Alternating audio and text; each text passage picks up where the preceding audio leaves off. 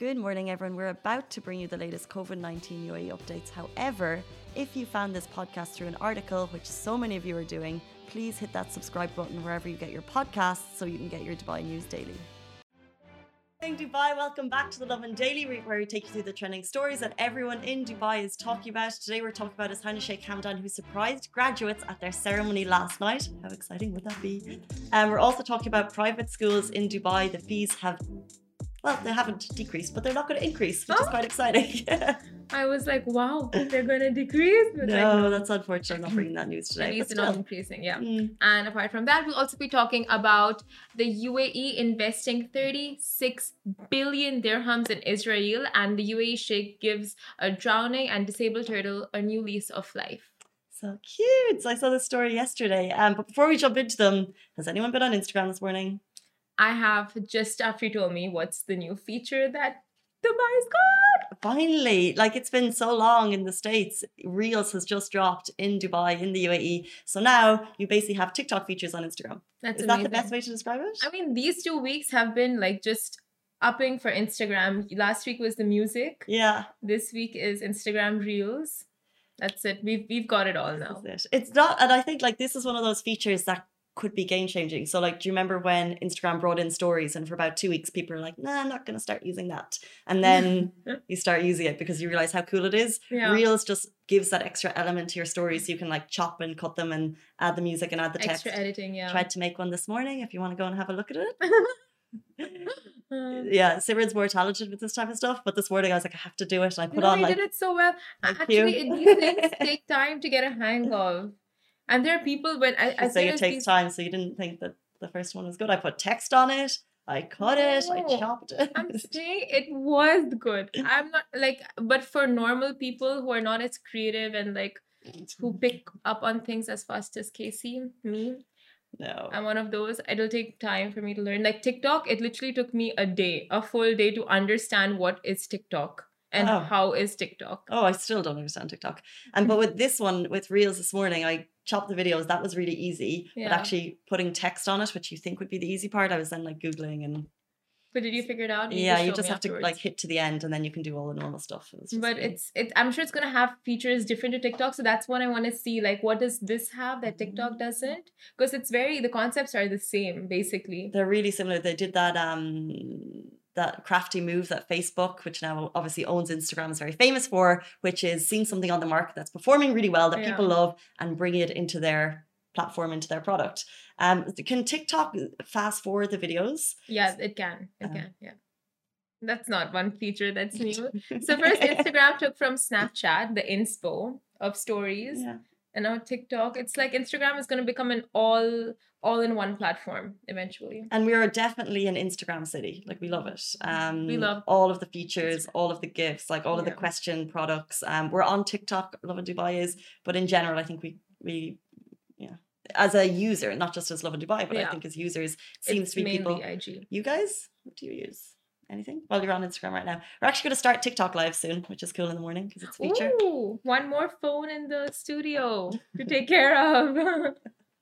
oh, the positivity. Um, guys, we will jump into our first story. Last night, His Highness Sheikh Hamdan surprised graduates at a graduation ceremony. This was the HBMSU celebration. They held the, celebra- uh, the graduation of the first PhD learners during a virtual ceremony. And it was broadcast live, which is very cool. It was actually kind of the first of its kind. And His Highness Sheikh Hamdan bin Mohammed bin Rashid Al Maktoum, he sent a surprise email to the 516 graduates. So they were all at their graduation ceremony. 516 virtually. Um, and this ceremony was a little bit different to others.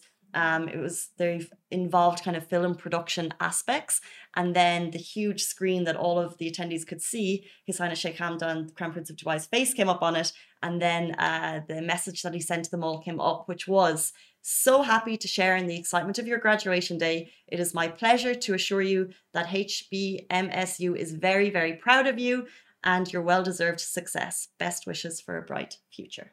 How sweet. Short, straight to the point, and sweet. Said everything you needed to say. Wishing you the best. I mean, you're not, you know, we, we see nice graduations um, pre COVID. And then during COVID, universities try and do special things for their graduates because it's yeah. such a huge moment for people who get there. Um, We've seen kind of messages on the Burj Khalifa once or twice by universities here. That was really cool. But to get a message from Crown Prince of Dubai at your graduation, like that's kind of peak. Yes, it's COVID. I'm sitting at home, but this is really cool. It is. That's really something cool. you'll remember.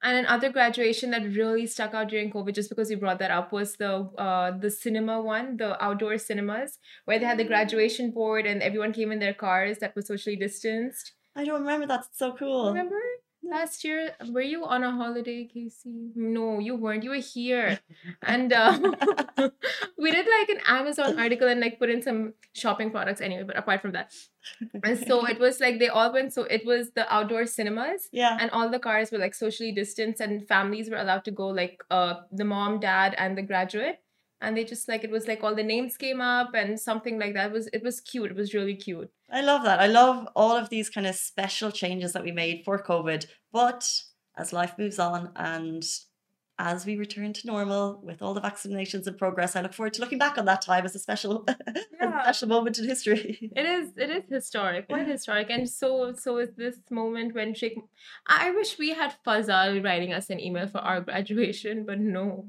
What did you have? I didn't attend my graduation because I was so committed to my Lovin Dubai job Really? yeah I didn't take a day off because it was a Saturday and I was working on weekends that time Oh, you should have. I didn't Should we have one in the office for Simran? It'll gra- I It's never never attended mine either.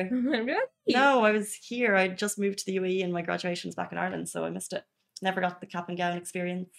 Oh my god, then we should both. Did you? it makes you feel any better, I never had a graduation. What the? what is happening What was this your- office? COVID. Okay, well, he's COVID. Okay, so like. What? Okay. Simran is married to her job. I had left the country and Ali had a pandemic. Okay, we need to get a one size fits all cap and gown and we'll do that. And if anyone wants to, uh, imagine if there's like an, an Instagram filter with a graduation cap and gown and everyone who missed theirs and we can post them on our stories, that'd be cute. Oh my god, morning morning graduation. Should we have one in the studio one day? An exclusive graduation just for the us? Without Ali because he missed his because of the pandemic. That's not an excuse. What? How is that nice? No, it's not. Anyway. No comment. No comment. but um, yeah. So one thing we didn't learn in university is about investments, which we're going to be talking about now. Damn. What a segue. some, some people did. But oh, really? Did you? You no, I did journalism. Fantastic. Okay. So, oh yeah, yeah. I mean, like some majors do teach you investment. Never mind. Okay. So, uh, now the UAE is to invest 36 billion dirhams in Israel. Following so, following the historic Abraham Accord Israel UAE peace treaty, the UAE has officially announced that 36 billion will be allocated for investments in and alongside Israel across sectors. Now, WAM, the official news agency of the UAE, stated that the funds will aim to bolster economic ties between the two of the region's thriving economies economies and unlocking investment and partnership opportunities to drive so- socioeconomic progress. The decision was reached post a phone call between HH Sheikh Mohammed bin Zayed, Crown Prince of Abu Dhabi, and Deputy, C- uh, uh, Deputy Supreme Commander of the UAE Armed Forces, and Benjamin Netanyahu, Prime Minister of the State of Israel. And the funds will go towards uh, the funds will go towards supporting developing sectors, including energy, manufacturing, water, space, healthcare, agri-tech, and as well as promote regional uh, economic cooperation between the two countries. So that is It's a lot of money. that is a lot of money. When I read it, I'm just like, so 36 billion dirhams is 10. Uh, it's how much is it in US dollars? I'm just gonna look it up real fast. Yeah, no, I think it's so cool. I think we're seeing obviously first the relationship happens, um, uh, and then you're seeing dollars. ten billion dollars. Yeah. Wow.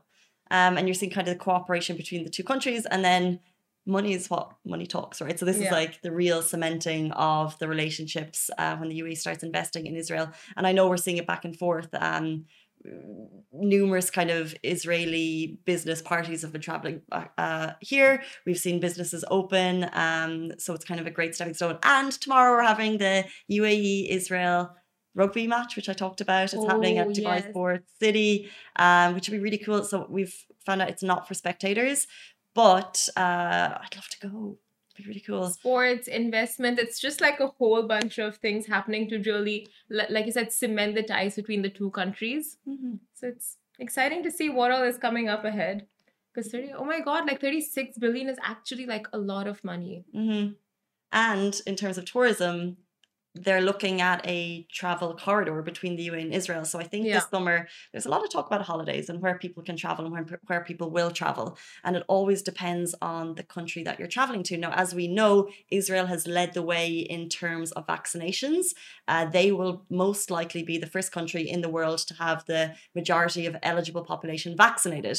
And from what we've heard, the UAE is planning a travel free corridor, so a quarantine free corridor. So, and obviously, as the UAE is also leading the game in terms of vaccinations, we will be making that step as well. So, between countries that we can look to traveling to, Israel is there.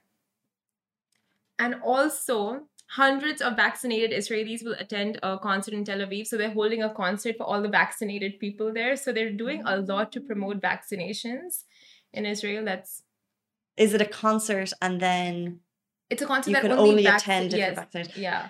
It's tricky, isn't it? And what about so th- there's um, a number of events happening, uh, I think in Abu Dhabi, and you either must be vaccinated or have that negative PCR test in the last two days. Oh, okay. Well, because that makes I guess that, That opens sense, it up yeah. to people who haven't been vaccinated. But obviously in Israel, they're really top of the charts there. Yeah. We move on. Um, private school fees. Parents, your ears are pricking. I hope you're listening. Private school fees in Dubai will not increase this year. Exciting announcements. Exciting announcements from the KHDA last night. Uh, fees increase. Uh, excuse me, tuition fees for the 2021-2022 academic year will not increase. This is the second year that fees for Dubai schools have remained steady. Now, the announcement follows the release of the annual education cost index. That's the ECI calculated by the Dubai Statistics Centre, which measures annual changes in the cost of running a school, and also that includes salaries, rent, and utilities. And the ECI actually found that for this year, uh, that stands at minus 2.5%. So the running costs and what are expected has gone down by 2.5, uh, 2.58%. And that's why uh, fees will not be increasing. But I did see a great comment um, on the Twitter thread, which said they should even look at reducing fees. They're too high. Yeah, I mean, I was just gonna say it will be such a burden of parents if they do make the decision to reduce fees, especially now with job losses and like so many factors playing in. It just makes like I don't know, it would it would really help parents and guardians and those looking after kids and uh sponsoring the tuition. It would 100% help parents, and you know that uh, school fees are a fortune here. They're quite Yeah. expensive. So, if you're sending one or two or three or four kids to schools in Dubai, it's costing you a lot of money. But at the same time, you have to remember that they're businesses, right? So, um, if businesses, they, they as well, they're looking at the bottom line as much as they're looking at um, at the fees of the school. So, it would be unlikely that they will start reducing fees. If they have, let us know, or maybe for a term, or maybe for two terms. But at the same time, if students aren't actually attending physically, and it comes to six months and your child hasn't used the school campus, maybe there's grounds for saying, "Hey, can you drop the fees, please?" or I think they have those uh, options, right? Either you do face to face learning or you can choose to do uh, virtual learning, hmm right? And It's an I- option. Yeah, so maybe the uh, option for virtual learning is a lot more uh, like that might be more discounted than the actual school fees. I don't know how that works. No, I don't think so. And I think the virtual learning is was put in place as kind of like a temporary measure. I think the KHDA said at the start of the year it's a temporary measure while schools kind of are adjusting to opening in this confusing time for schools. Um, so it was at the time they didn't offer reduced fees for. I just hope schools like parents that are struggling, I hope school faculties do offer them the uh, grants or not the grants, like they work out some kind of package or something for parents that can't, who could afford before but have had financial issues and stuff. So hopefully that's there in place for them. So if you guys are struggling, like definitely give it a go and try talking to the school and the faculty members and administration and see if they can help you out before completely moving your child to another school Hundred percent.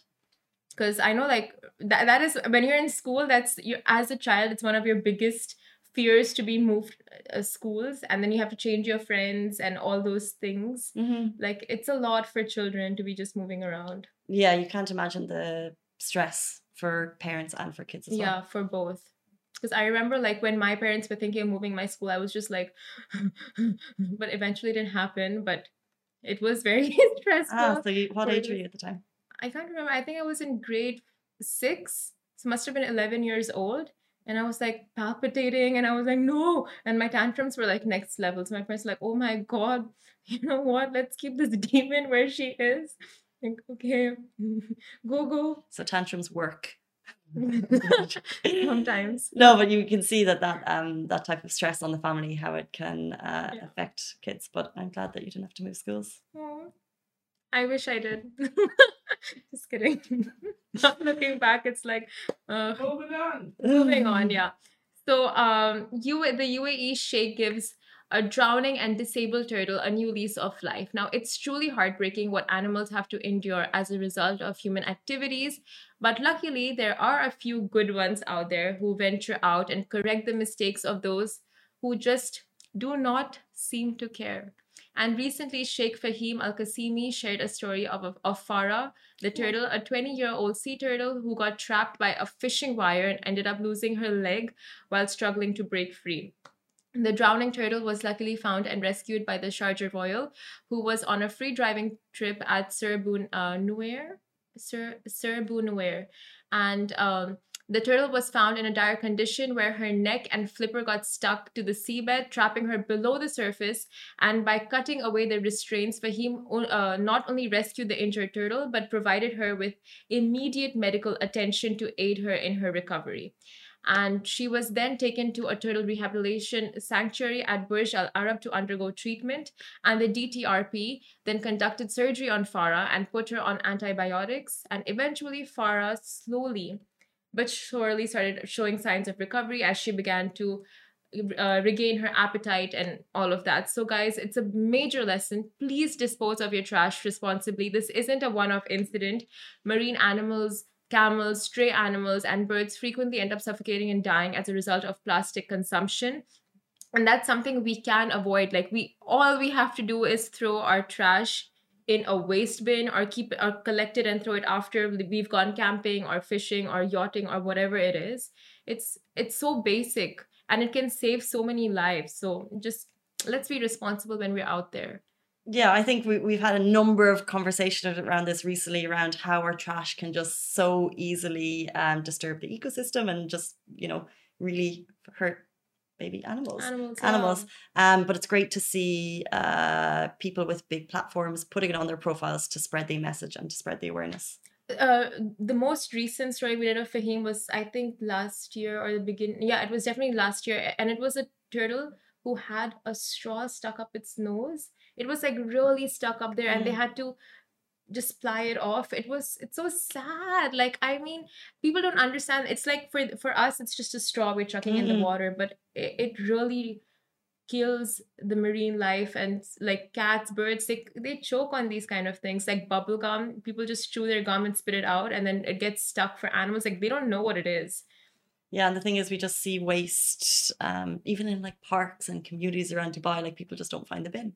It's easy and the thing is in dubai it's it's guys i mean it's just ridiculous. Like we have it everywhere like bins. Like every two blocks you'll find a garbage bin and trash bin. Like they do so much to keep the city clean. That's the thing they do and there's people cleaning up after us all the time and that's probably why people become so complacent. But it's videos like this and messages like this that we need to really learn from. Yeah. And i know we share the message and I know it's something that you feel very passionate about, and I also feel very strongly about you know not leaving waste after yourself Yeah. anywhere you're camping or even just like on the street. But it's always a good reminder. Um, and sometimes you see these really sad videos that you're remembering of a a straw on up a tur- up a, of a turtle's nose, and you sometimes it's really heartbreaking, but you need to see them as a reminder to yeah cut that waste. cut it off Mhm. actually people are just lazy you know like there'll be a bin there and they'll be like oh never mind but anyway Mhm. but we i'm glad like we'll be having uh fahim in the studios with us next week so he can be telling us more about it and more of his experiences and adventures out there in the water and how many he's rescued quite a few turtles he's he loves turtles so it'll be nice hearing more on that as well. But after the break, we'll be joined by UAE resident Sean Burgess. Now, Sean took on the Seven Emirates Challenge. It was a Guinness World Record attempt to cross the UAE by foot in under seven days, and that's 650 kilometers. And that's just incredible. Um, and as well as that, don't miss an interview with Hassan Abu Fakir on Smashi TV, our Arabic sister channel, which provides you with the latest business and tech news. Our host Hala will be talking to Hassan about SLF and their involvement in the Seven Emirates Challenge and how they assisted Sean with completing his journey through the UAE by foot. Stay tuned. Lovin Extra is here. This is the new membership, and while absolutely nothing changes for our readers, extra members get access to premium content, exclusive competitions, and first look for tickets and access to the coolest events across the city, and Lovin merch. If you subscribe right now, a very cool Lovin Red Eco Water bottle will be delivered to your door. Guys, welcome back to the show. Right now, we are joined by Sean Burgess, Guinness World Record holder. How are you doing? Good morning. Welcome to the show. Thank you very much for having me. Yeah, I'm, I'm doing okay. It's been five, five, six days now since we finished, and I'm I'm still healing, but slowly. So, uh, but trying to get back into to normality and back to a normal life after seven days on the road. So, slowly, it's seven days on the road and months and months of prep, guys. To give you a bit of background, Sean broke the Guinness World Record for the fastest crossing on foot of the UAE, seven Emirates between 650, 700 kilometers. Is that right? Well, it was, it was originally planned 650 kilometers, but because we had so much support from the police, we actually managed to shave a few kilometers off that. So I haven't been through my Garmin yet and actually worked out exactly how much it was. It was it's definitely over 600, but probably slightly short of 650, which is a good, is a good thing. It kind of helps in the end, but I think anything over over 600 is still a pretty big feat appearance. I think anything over one, anything over 10 is a pretty big feat, to be honest. Um, but this was this idea didn't happen in a day, in a week, in a month. Um, when did the idea come about, and what inspired you to kind of go for it? Well, every year for the last few years, I've kind of taken on a, a, big challenge, whether it was sort of climbing Kilimanjaro or I swam from Asia to Europe in the uh, Bosphorus swim. And my big challenge for last year was the Marathon des Sables, the 250 kilometer ultra across uh, the Sahara Desert. Mm-hmm. But because of COVID, that got postponed, and I was a bit lost. And I think, like a lot of people, we went into lockdown, and I got quite fat over those three three months. And so I needed something to inspire me and, and get me out of my my rut. So I looked at what I could do in the UAE that was relatively COVID proof. And uh, after doing, my, my CEO at the time challenged me to do 100,000 steps in the middle of July, I think it was. And so I went out into Dubai and I walked 100,000 steps and it was 80 kilometers and it completely broke me in the Dubai heat. But that kind of then made me think, well, where else can I walk? And I looked at walking between the different Emirates, and then it suddenly got into this thing of maybe I could just go across the entire UAE. And funny enough, there was actually an existing Guinness World Record that nobody had broken, but it was there to be broken um, where you cross from Al Ghuwaifat in the west on the Saudi border all the way to the Fujairah coastline, crossing through each of the seven Emirates on the way. And uh, I was like, all right, I'm going to do it. And that was nine months ago. And since then, it just became this huge event. And finally, we set off a couple of weeks ago, and, and luckily, we were successful. So it was a, a great challenge in the end yeah, I mean, congratulations to you and the entire team that was involved. This was like, guys, grueling 20 hours a day, if I'm not wrong, walking, running. Um, tell us about the team. Like, what, what does it take if I'm like, if I'm inspired by watching this interview, what does it take for someone to actually pull this type of achievement off? Wow. Well, I didn't realize how big it was going to get. And luckily, I had a, a, chap called Gino, who's a good friend of mine and a film producer, who came on board nine months ago. He kind of took my vision and turned it into reality, which was fantastic. And he saw that we needed a huge amount more support than I thought about. I thought I'd have one car and a couple guys and we'd do it on our own. And yet he made me realize actually, no, you're crossing an entire country on the E11 for, for 500 kilometers. You need a lot of logistical support and support from authorities. So at one point, we had up to 15 people on the support team. We had eight vehicles, um, including two paramedics, a documentary crew, my support team, which was made up of my brother and, and Jay and John, two others who kind of looked after me for the whole trip. Um, and then we had uh, some representatives from the Abu Dhabi Film Commission who came on board as well to make sure that logistically the police were all sorted out. So it, it's just this monster of an event that you don't realize when you sort of think, I'm just going to walk 600 and something kilometers. You don't think about the logistics of it all. And I think people didn't realize, I think they thought that I was crossing the desert, but the actual most effective and efficient way is to walk along the E11 for literally 500 kilometers and then turn right and head towards Fujairah.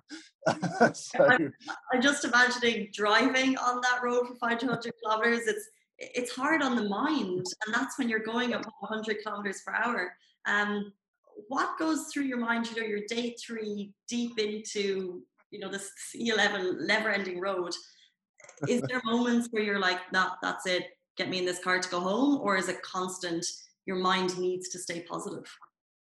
Yeah, absolutely. I'm I think that I have that mindset where I'm, I'm quite introverted, so I like being in my own head and I'm quite analytical. So people ask me whether I listen to podcasts or audiobooks, and I really didn't for the first three or four days, uh, partly because I broke my headphones on the way down to the. No. so I I couldn't get a replacement until uh, I met it with my wife in Dubai. So yeah, for four days I didn't have anything. But also, uh, my I was churning the numbers in my head all the time. So I was like, well, if I did 110 kilometers on the first day and 100 on the second day, then how much do I need to do on day two? And that's how my mind works. And but there were some really really lonely periods. Um, in particular, I would start my morning shift at 3 a.m. And so for the first three hours, it would be pitch black, and it was that was probably the the darkest point, especially on day three when your body's starting to really break.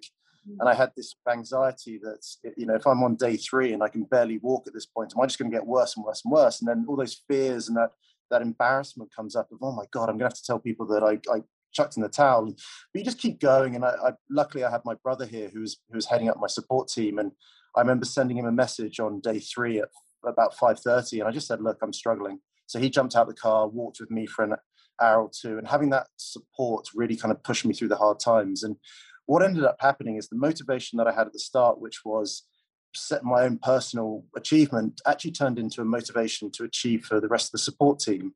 And it became, I need to do it for them because they've committed so much time and effort and energy, and they're invested in this as well. I've got to get this. I've got to get this record because I want them to celebrate as much as uh, I'm going to celebrate it which is which is great because a couple of the guys, especially a couple of the paramedics, uh, Dennis and Brian, they were only meant to be on for one or two days, and they were so invested by those one or two days, they ended up staying for the whole seven days. And people had their own motivations for being a part of the challenge. So by the end of it, it was very, very emotional to walk onto the Fujairah coastline, onto the beach, and um, there's a lot of grown men crying at that point. But I don't think that's a bad thing. Amazing. I'm sure like you've called it the Seven Emirates Challenge. And guys, if you want to see some of those photos and videos, you can check it out on Instagram that people kind of sharing your journey shared. Um, just in terms of the team that were joining you, you mentioned you're struggling, so your brother joined you. What was it? So there was a car beside you the entire way. Is yes. It, and, and, then yeah. what happened at sleeping time, for example? Is it a tent that you pitch up? Are you sleeping in the car? How does that work? Yeah, so what we had is a massive Denali. Um, I think it's a Chevrolet car. We we just stuck a mattress in the back, um, which was the most efficient way to do it because it meant wherever I stopped on the road, I could literally just jump in and sleep. But funny enough, it was such an uncomfortable place to sleep um, that that's the one thing of the challenge. There's there's kind of there's two big things of the challenge that I would change if I could do it again. One of them is my situation, um, I would have found a better sleeping situation because for the first 300 kilometers in three days, I slept probably about two or three hours collectively, which is just not enough time to repair your body. Um, and the other thing is, I wouldn't run. I, I, I, had this ego problem, and uh, for the first two days, I ran 30 or 40% of it. And that really accelerated the breakdown of my body. So by th- day three and four, I not only was broken, but I had severe shin splints, which is not an enjoyable experience to then spend four days and 450 kilometers walking on shin splints. But it's all part of the challenge. So those two things I changed. But yeah, the, the sleeping situation was wherever we stop, jump in the Denali, try and get an hour's sleep, try and rest, try and eat, and then go again. But uh, yeah, it was uh, it was a difficult one, and also quite a fun fact. Whilst we're talking about the the food, I was burning about seven or eight thousand calories a day but I was only eating about 2,000 calories a day, but I was never hungry. And uh, we, did a, we did a before and after body analysis. And over the course of those seven days, I lost 8.5% body fat, which is just ridiculous because my body was just in that fat burning zone. So it was just burning fat all the time. It just didn't need carbohydrates, it just needed fat. And I had enough fat reserves to keep it sustained. wow so interesting because these are all learnings that you've taken, but you really were the first person to really take this on and to try and do it. So, um, and the fact that it's kind of, I don't know, it's got a good name, the Seven Emirates Challenge, right? So I can see people wanting to take this on again and hopefully kind of hearing your learnings. Don't try and run on the first two days. get all those salts in, have kind of extra nourishment with you, and get a good place to sleep might be helpful. Absolutely, and I, I do hope that there's a, a, an ultra runner out there who now just goes and takes us on and smashes it in about four days, and I think that's what will end up happening because I'm, I'm, you know, if you see me, I'm not built like an ultra runner. I'm built more like a prop forward in rugby. So it's, it's. I, I think the opportunity is there now for somebody to go and absolutely smash it. But I also think the it was great that it was the normal guy that did it first because it, it needed that. It needed the benchmark to be set by somebody who who's the average man that anyone can look at. And I got a lot of messages of support saying, you know, I, hope this is a compliment, but they were saying, you know, if you can do it, I can do it, which is if you're running ultras and you're doing those at the Marathon des Sables, which is, you know, one of the biggest, I think, uh, the everyman, and then there's the, the bit people, so there's the me's, and then there's the you guys. No, but it, it is great. And to give people that inspiration, I think for you must be fantastic to be on the receiving end and I know how inspired people were because I was looking at Yalla Give, where you're accepting donations. Congratulations, by the way, on smashing your donation target. Um, but all the messages, I think it must be so amazing to read. Like people are giving you hundreds and hundreds of dirham, just saying smash it, mate. You know, like they're super excited. And what was, uh, what were you doing this in aid of? So originally it was all about you know a personal challenge but what i i loved about the seven emirates challenge is, is unlike my other ones which were very personal because this became so much more of a community challenge and so many people got behind it we did end up partnering with golf for good and they introduced us to soft power education which is a ugandan ngo that helps children in uh, in some of Uganda's poorest areas, and in particular, there's a special needs program that they do that I really resonated with me. So that became basically the central focus of the challenge. It, it, yeah, it was part of the record, and yeah, it was part of the, the experience and a personal challenge. But the central focus very quickly became about raising money for soft power education, who've really struggled because of COVID. They've had their volunteers have, have been depleted completely. They've had 50% of their donations cut, and so for us to raise even a small amount of money, which uh, which we have in the grand scheme of things, is just incredible for them, and it will mean they can continue their great work that they do over in Uganda. So yeah, it's uh, it's it's amazing, really, and uh, to have have the support of them and the, and then pushing the story out as well as our, our sponsors like uh, Adidas and Garmin and Sported is just such a, a, massive thing that I've never had in any challenge before. It really is a, a very unique experience this for me, um, which is great. It's uh, completely different to any of my previous challenges. Yeah, the whole ecosystem kind of revolved around it to make it happen. And if people want to donate, so I think you're nearly at eleven thousand dollars now. If people want to donate, uh, how can they do that?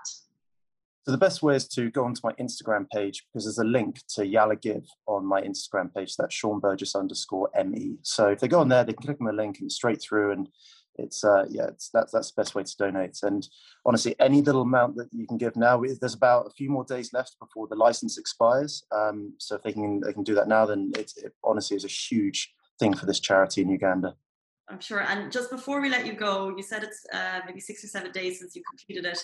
Um, what has the recovery been like? How are you feeling now? Right. So my my feet were the were healed almost immediately. So there's one little toe, little angry little toe that we were a little bit worried about, but um, the guys at Medic um, sorted that out, and so that's that's turned out fine. The, the shin splints are still very very sore and they throb all the time but the the i say the funniest thing the weirdest thing that i'm going through at the moment is that i'm still in my sleeping pattern from the challenge which was basically non-existent. So i go to sleep now and i sleep for one hour and then I wake up in a pool of sweat, thinking that I've got 100 kilometers to go. Mm. so I have these real sort of anxiety dreams of waking up, oh my god, I've got to, I've got to do another 100 kilometers. then I to remind myself. then I remind myself, no, no, no, no, you finished. It was a week ago. Calm down. You're fine.